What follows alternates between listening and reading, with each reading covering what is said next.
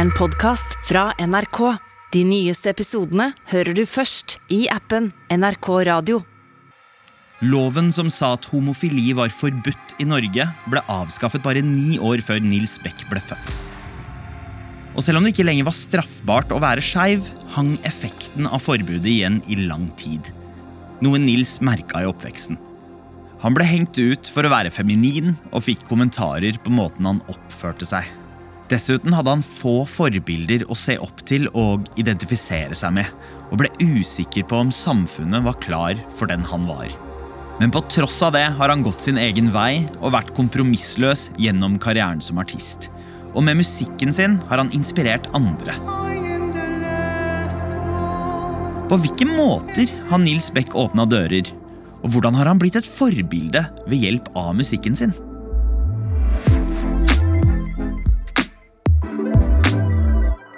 Velkommen til Musikkrommet. Jeg heter Sandeep Singh.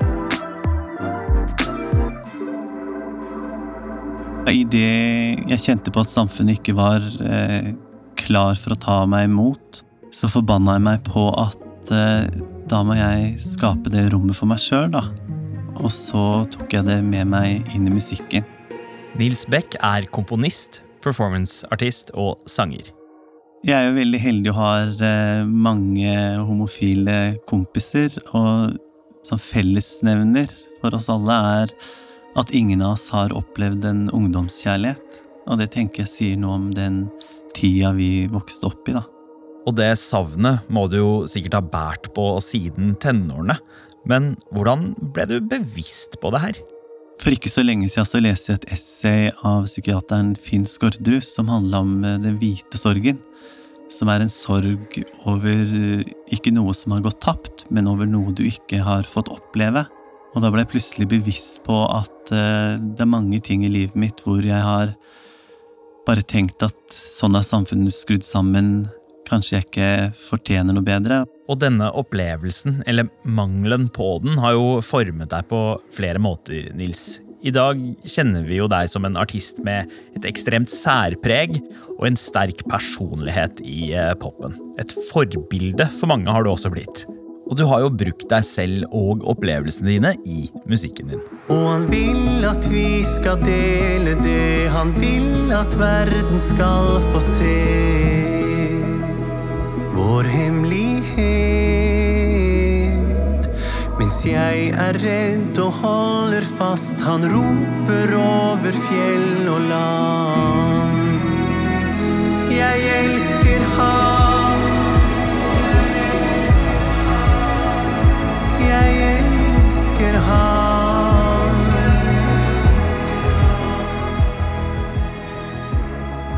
Og jeg tenker jo at jeg har kun nesten laget eh, kjærlighetssanger i utgangspunkt i mitt eget liv. At folk kanskje kan tenke at prosjektet mitt er litt narsissistisk. Og det tenker jeg jo at det er, men med rette. Og med prosjektet ditt så har du jo nådd ut til flere mennesker på et døgn enn få andre norske artister. Og du har sunget om din kjærlighet foran Norges overhode da han feiret uh, gullbryllup. Og for å skjønne hvordan og hvorfor du har havnet der, så må vi nesten tilbake til starten av livet ditt. Jeg vokste opp på et jorde på Vikersund, eh, i en eh, veldig kjærlig, men kanskje litt rar familie. Mamma hadde akkurat flytta hjem fra Melbourne, hvor hun hadde studert på kunstakademi der. Mens pappa hadde skilt seg og flytta fra Geilo tilbake til barndomssmåbruket sitt. da. Jeg føler jo at jeg var en veldig heldig gutt fra naturens side. Veldig mye godt humør. Og spilte fotball, eh, gikk på musikkskolen og var guttesopran. Og så var du jo veldig populær da du starta på skolen. Du var kjent for å være empatisk og å skape et godt miljø i timene. Når vi for første gang valgte klasserådsformann, så tror jeg jeg fikk 23 av 26 stemmer da. Så rula det klasserommet. Og hjemme så var musikk viktig. Både mamma og pappa spilte instrumenter og peila deg inn på sang. Og var vel delaktig i at du ble oppdaga? Ja, når jeg var ti år, så var det noen som tipsa mamma og pappa om at de skulle sette opp eh, barnemusikalen Oliver Twist her i Oslo.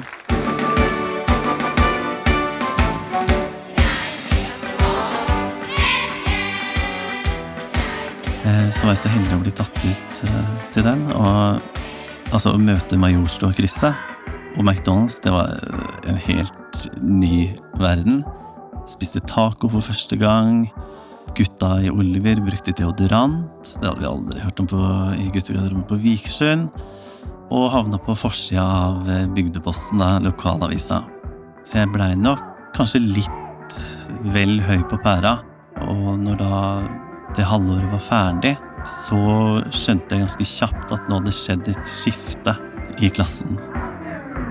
Det var vel kanskje god gammeldags jantelov som begynte å spille inn. Eh, for du gikk jo fra å være den populære klasserådsformannen til å rett og slett bli mobba. Jeg husker første gang jeg hørte noen rope 'jævla Femi', så skjønte jeg ikke engang hva det betydde, men jeg skjønte at det var noe veldig negativt. Og frem til det så hadde ingen vært opptatt av at jeg var en feminin guttunge. Mens plutselig så blei det en veldig negativ ting, da. Og fra femi så gikk det til jævla homo. Barn, ass. De kan være så sjukt nådeløse. Men hva visste du om din egen legning på den tida? Sjøl så hadde jeg jo aldri reflektert over om jeg var homofil.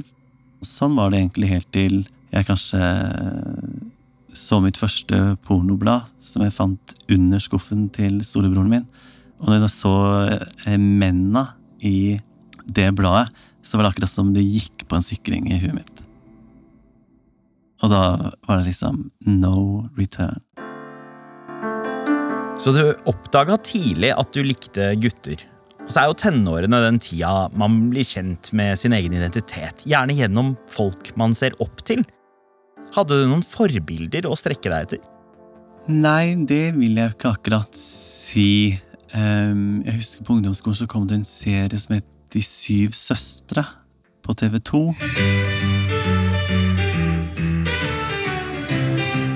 Husker jeg veldig godt Den første pakistanske familien på TV også. Der var det jo en homofil frisør.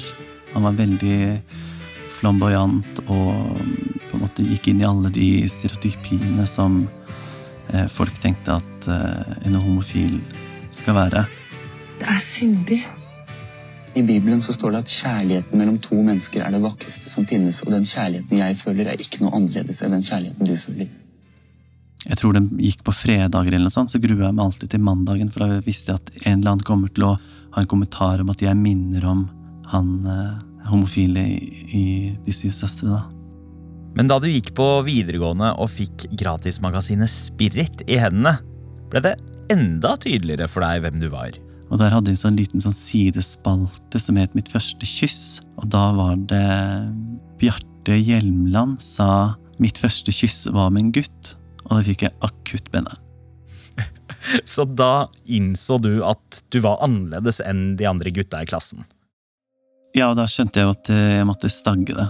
For det var jo så tydelig i omverdenen at det verste kunne være, var å være homofil, da. Så jeg hadde jo da mange år hvor jeg blant annet satt og regna ut hvor lenge er det til foreldrene mine dør. Kanskje jeg da kan være åpent homofil. Åh, Det der er jo helt forferdelig å føle på. Men du holdt jo heldigvis ikke på den tanken om å holde deg selv tilbake og fortrenge følelsene dine. For på slutten av videregående så betrodde du deg til tre barndomsvenner. Hvordan var det? Jeg trodde jeg skulle besvime. Jeg husker jeg ramla litt inn i en vegg en gang der. For jeg syntes det var så skummelt. Men eh, de tok det utrolig bra.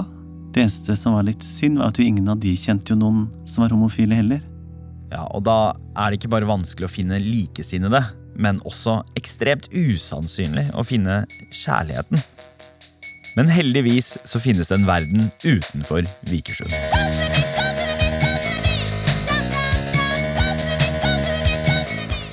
Fordelen med å være et musikalbarn er jo eh, at du blir kjent med mange andre morsomme folk, og en av de var Miriam. Kjent fra elektropopduoen Martine og Miriam, kanskje de hippeste damene i Oslo på starten av 2000-tallet. Og de på en måte introduserte meg til Oslo-gryta. Sneik meg inn på Last Train, tok meg med på Blå. De hadde jo en veldig sånn eh, særegen stil. Det var mye ballerina, tyllskjørt og neonfarga boblejakker. Og jeg kasta meg rett inn i det.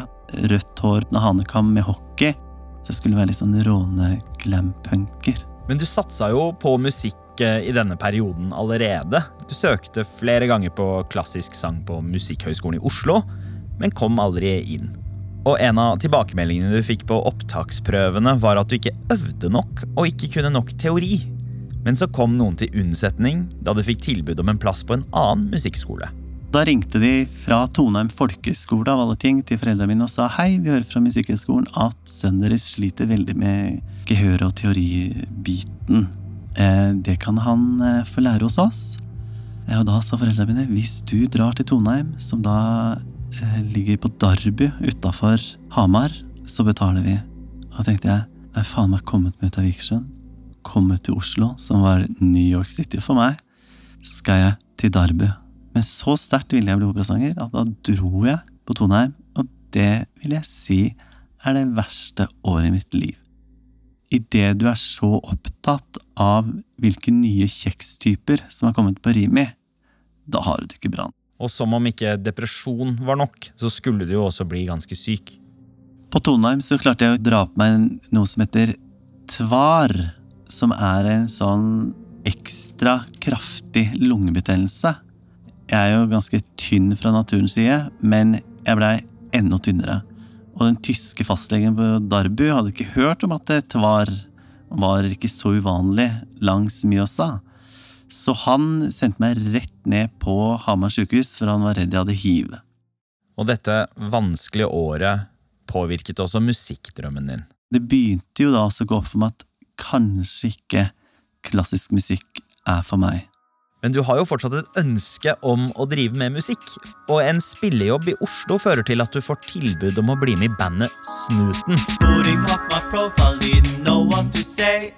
The guys were chasing me already anyway. Et band der dere lekte dere i disko- og elektrolandskapet. Hvordan var det å være med der? For det første så opplevde jeg jo en voldsom aksept fra tre heterofile menn som var seks-sju år eldre enn meg. Samtidig så ble jeg jo utfordra i forhold til det å tørre å improvisere over musikk. Jeg hadde aldri improvisert en eneste tone, for det er ikke rom for innen klassisk musikk. Og samtidig så fikk jeg jo en helt annen type sceneerfaring.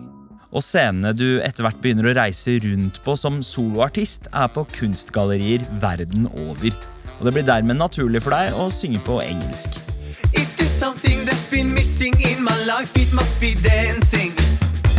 Men det la jo også mange merke til.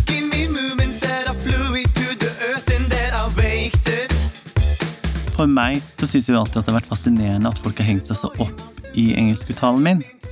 Det var sånn etter eh, andre albumet mitt, hvor det var jo fantastiske anmeldelser, må vel lov å si. Så ringte mamma meg og var sånn Du skulle ikke kanskje tatt et engelskkurs, da, Nils? Fordi på begge de to første albumene så brukte de altså såpass mye spalteplass på at de har en rar engelskuttale. A sudden sickness struck my heart. My stomach aches. My world falls even more apart. Eh, og så har jeg skjønt nå liksom de senere åra at folk har kanskje trodd at det har vært et sånt bevisst valg. At jeg alltid har tenkt at jeg er så sær at jeg skal stå og synge på ei gardintrapp eller kutte ned en palme eller Og det gir jo mening for meg. Det er ikke noe jeg har gjort som for å være avantgarde. For meg så er det en forlengelse av sangens innhold, og det gjør at jeg lever meg sterkere inn i den teksten som jeg ønsker å formidle. Selv om anmeldere her hjemme hang seg opp i engelsken din, var det ikke noe problem for folk som har det som morsmål. For i 2015 så fikk du deg platekontrakt med et av de hippeste labelene på 2000-tallet, nemlig New York-plateselskapet DFA. Ja, det har vel en gang vært verdens kuleste plateselskap. Eh, men eh, idet jeg dyppa tåa mine der, så begynte vel å gå litt i nedoverbakkene. men kult var det jo. Og den musikken som kommer ut på din første plate på nytt plateselskap, er annerledes enn tidligere.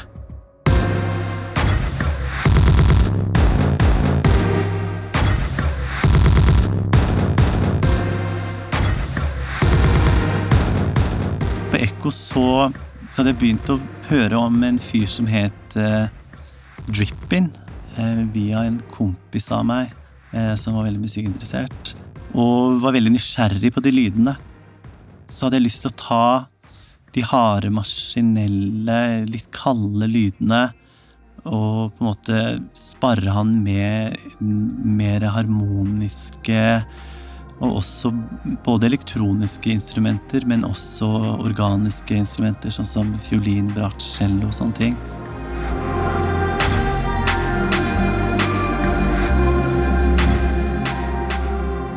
Ja, Det høres jo i musikken du lager her at du har jobbet med den på en helt ny måte. Men også i tekstene dine på dette albumet jobba du annerledes. I motsetning til at de andre har, har det vært en rød tråd i at det handler om mitt indre følelsesliv, så er det vel det eneste albumet hvor eh, sangene ikke handler om meg. Da var jeg kanskje 32-33, og folk begynte liksom å for første gang kanskje gå ut av lange forhold. Noen av de hadde fått barn. Jeg ble så fascinert over at, at det er en sånn evig reise, den kjærligheten. Og det å på en måte prøve å få et samliv eller en kjærlighet til å fungere. Så da handler egentlig alle de ulike sangene om vennene mine, og den som på en måte har blitt med meg videre lengst, og som jeg jo alltid fremfører på en konsert, er vel Waiting.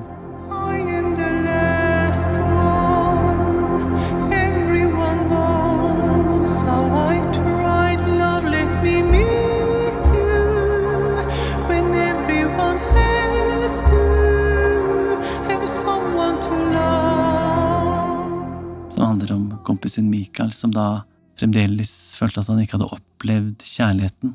Så det var han som sa Jeg sier aldri 'waiting' i sangteksten, men han sa det må jo være et håp her òg. Og med denne nydelige og håpefulle kjærlighetssangen gikk du også fra å være yndlingen til det smalere kunstfeltet til å nå en helt ny generasjon lyttere.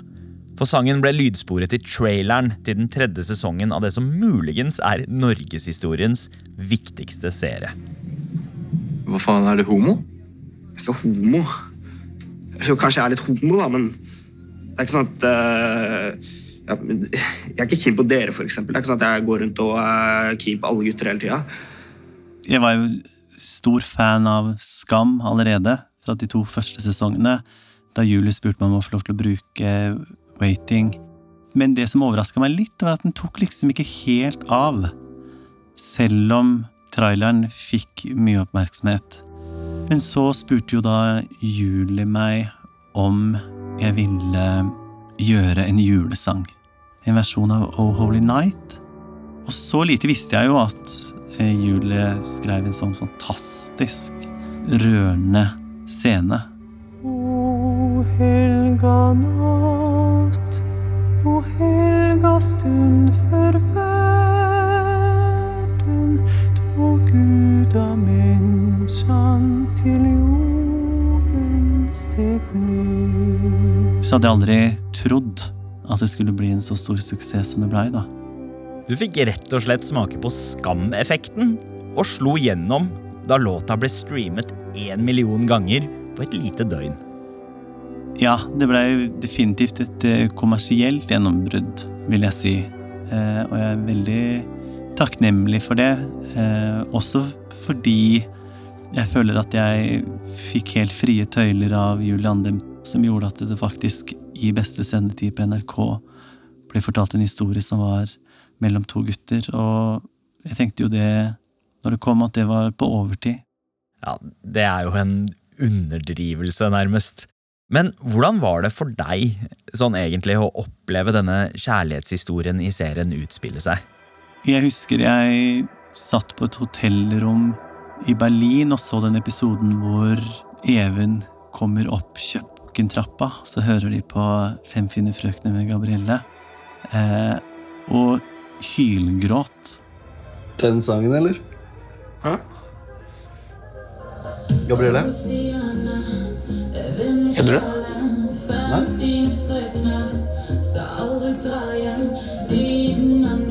Herregud, dette er jo det verste. Hva faen?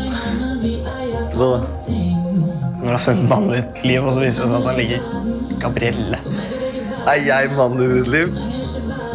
Eller Det var meg du snakket om. Er jeg mannen i ditt liv? Hashtagen er da, du vet jo det. Nei, Unnskyld meg, du sa jeg er mannen i ditt liv.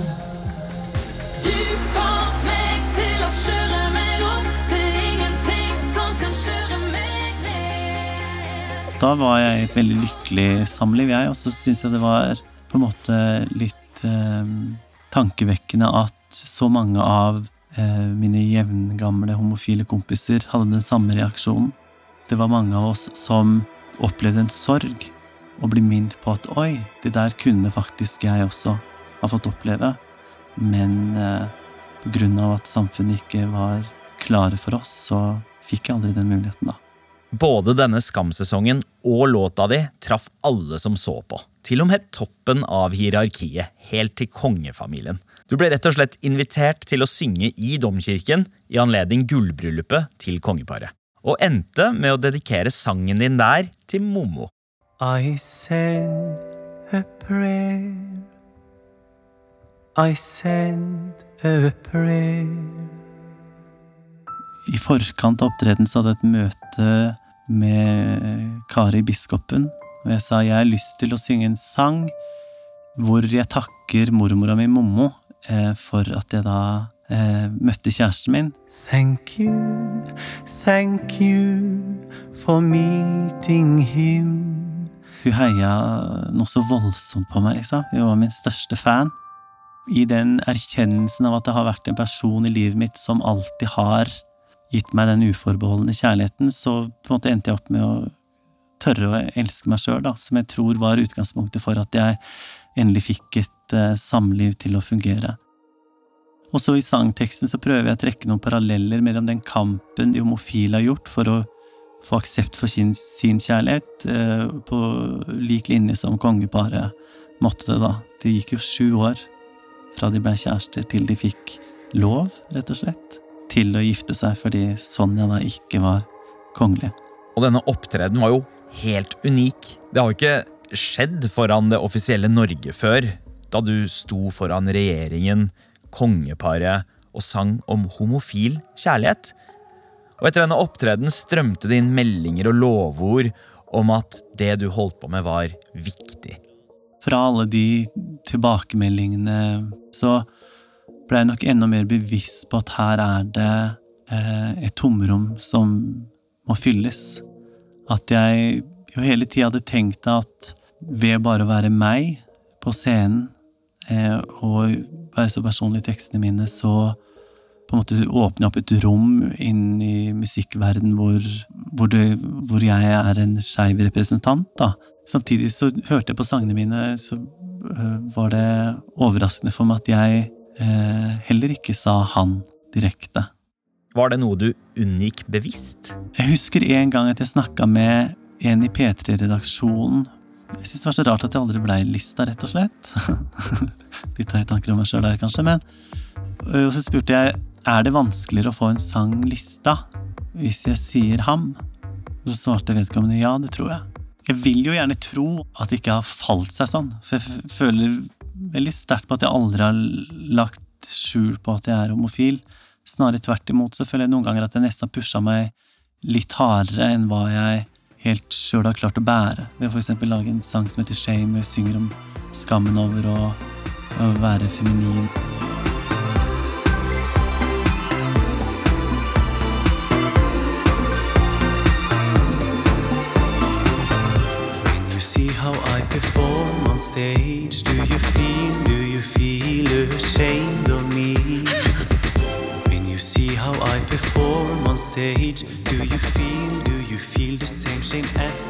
Men jeg har på en måte bestemt meg for at eh, noen må ta den plassen som jeg savna i min oppvekst. Føler at jeg på en måte la så mye bånd på meg i oppveksten og på en måte levde skjult så lenge, så bestemte jeg meg for at det skal jeg aldri gjøre igjen, da. Heldigvis så har jo dette endret seg en del nå, rundt uh, dette å være åpen om hvem man er. Jeg syns jo også at det har vært interessant hvor mange etter hvert som har kommet til som er åpne homofile, men samtidig så kommer det så lite til uttrykk i musikken deres. En kompis av meg sa etter femte albumet mitt, Foolish Hearts, Jeg syns det er så utrolig vakkert at du er så tydelig på at du synger om en han. Og det å synge tydelig til ham bringer oss til en annen viktig 50-årsmarkering. Mm. I år så er det jo det de kaller for skeivt kulturår. Jeg pleier jo å, si at jeg har skeivt kulturår hvert år. Men det er jo veldig fint at de nå gjør en markering på at det er 50 år siden det ble avkriminalisert å være homofil i Norge. Og I forbindelse med det så har jeg satt i gang et prosjekt nå hvor jeg gjør kjærlighetsduetter med andre mannlige norske artister. Eh, mest av alt fordi jeg hører jo ikke så veldig mye på musikk, men jeg har i hvert fall aldri hørt en kjærlighetsduett mellom to menn. Nå, nå er det en ny fyr i din seng. Tenker du litt på meg likevel? Er jeg litt til stede? Er jeg litt til stede? Og dersom jeg tenker at det er et hull i den norske sangboka, hvor kjærligheten mellom to menn ikke er representert eh, Man kan sikkert si det samme eh, for eh, lesbisk også, i hvert fall i duettform, men der har vi jo også fantastiske Girl in Red, som er veldig tydelig på det. Og idet jeg lanserte prosjektet i januar, så hadde jeg flaks med at det var i januar, for nå, tre måneder etterpå så kom jo Ramón og gjorde en storslem med en sang hvor han synger om en mann, da. Men det er nå bare én. Så jeg tenker at eh, her må det pumpes ut kjærlighetssanger mellom menn. Og det føles jo som vi går inn i en ny tid i musikken, med både Ramón, Sondre Justad og en hel generasjon med nye unge musikere som er helt åpne om hvem de er. Det er en annen tid, samtidig så er det ikke meninga å høres ut som at jeg sitter igjen i bakevja, som vi sier på Vikersund. Jeg liker å si at 50 år er lenge, men samtidig veldig kort. Og idet det har vært en lovhjemmel hvor vi har vært i samme setning som folk som har sex med dyr, og hvor strafferammen har vært lik, så sier det også noe om stigmaet rundt homofili, rett og slett. Og at i det at man fjerner en lov, så betyr ikke det at det ikke ligger en skygge etter det stigmaet. Ja, for hvordan føler du at den skyggen har prega deg? Jeg kan noen ganger lure på hvem hadde jeg vært hvis jeg hadde hatt en oppvekst hvor det å være meg hadde vært akseptert. da. Og at det er en sånn ting jeg kjenner på nå idet jeg ble signa med Universal, at, at jeg hadde kanskje en liten uke hvor jeg hadde en sånn slags sorgreaksjon. Hvor jeg tenkte hvor slitsomt det har vært å på en måte dra hele lasset sjøl. Og samtidig så er det jo ingen som har bedt meg om å dra lasset, så det, er mitt valg. Og da plutselig sitte på møte med et helt team som er med deg og heier på deg og jobber for eh, prosjektet mitt. Men hvordan hadde karrieren min vært hvis jeg hadde fått den muligheten og var 25? Du snakket jo om at eh, det var ikke så mange forbilder da du vokste opp som kunne gjøre deg kjent med identiteten din. da. Du hadde han ene som på en måte var det motsatte i familiesagaen De syv eh, søstre.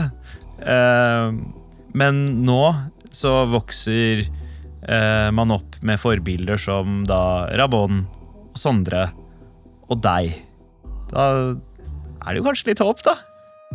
Definitivt. Verden går fremover. Men jeg er fremdeles veldig opptatt av å på en måte anerkjenne min generasjon og generasjonen før meg. At det er folk som hadde hele de formative åra sine hvor det var kriminelt å være dem. Det er folk nå som, som er 70, som var 20 idet det, det slutta å være kriminelt å være dem.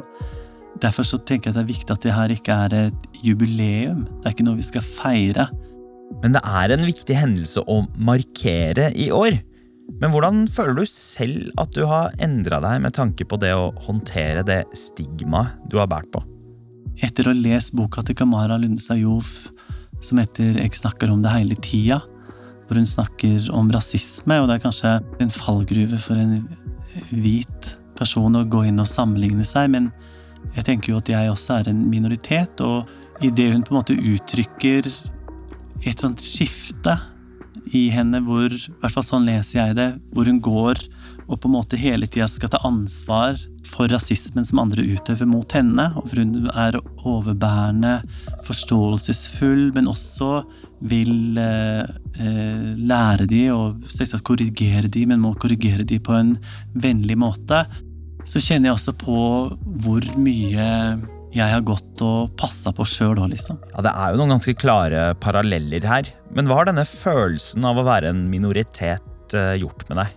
Jeg har vært veldig mye redd. Pusha meg sjøl til å nesten være litt modigere enn det jeg har klart å bære. Men så har jeg klart det, da, og så har jeg vokst med det. Men jeg kjenner veldig på nå at jeg har ingenting jeg skal være takknemlig for. For jeg føler heller at det er en selvfølge at vi er her nå. Og egentlig syns jeg at det er ganske trist at vi er i 2022 men det er fremdeles bare én hit, i hvert fall som jeg kjenner til, hvor det er en mann som synger om en annen mann. Men byen var stor,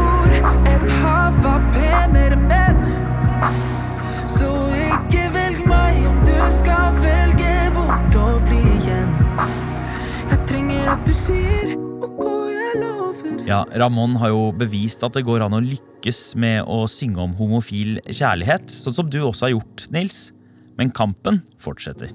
Det er sånn, tenker jeg, med oss menneskedyra. Og historien viser det igjen og igjen, at hvis vi slapper av et kvarter, så går vi tre skritt tilbake. Det er fremdeles sånn at i skolegården så er jævla homo, hore og jøde de mest brukte skjellsorda. Og det er ganske absurd at jøde har kommet tilbake i, i det vokabularet. Og derfor så må vi være bevisst hele veien, da.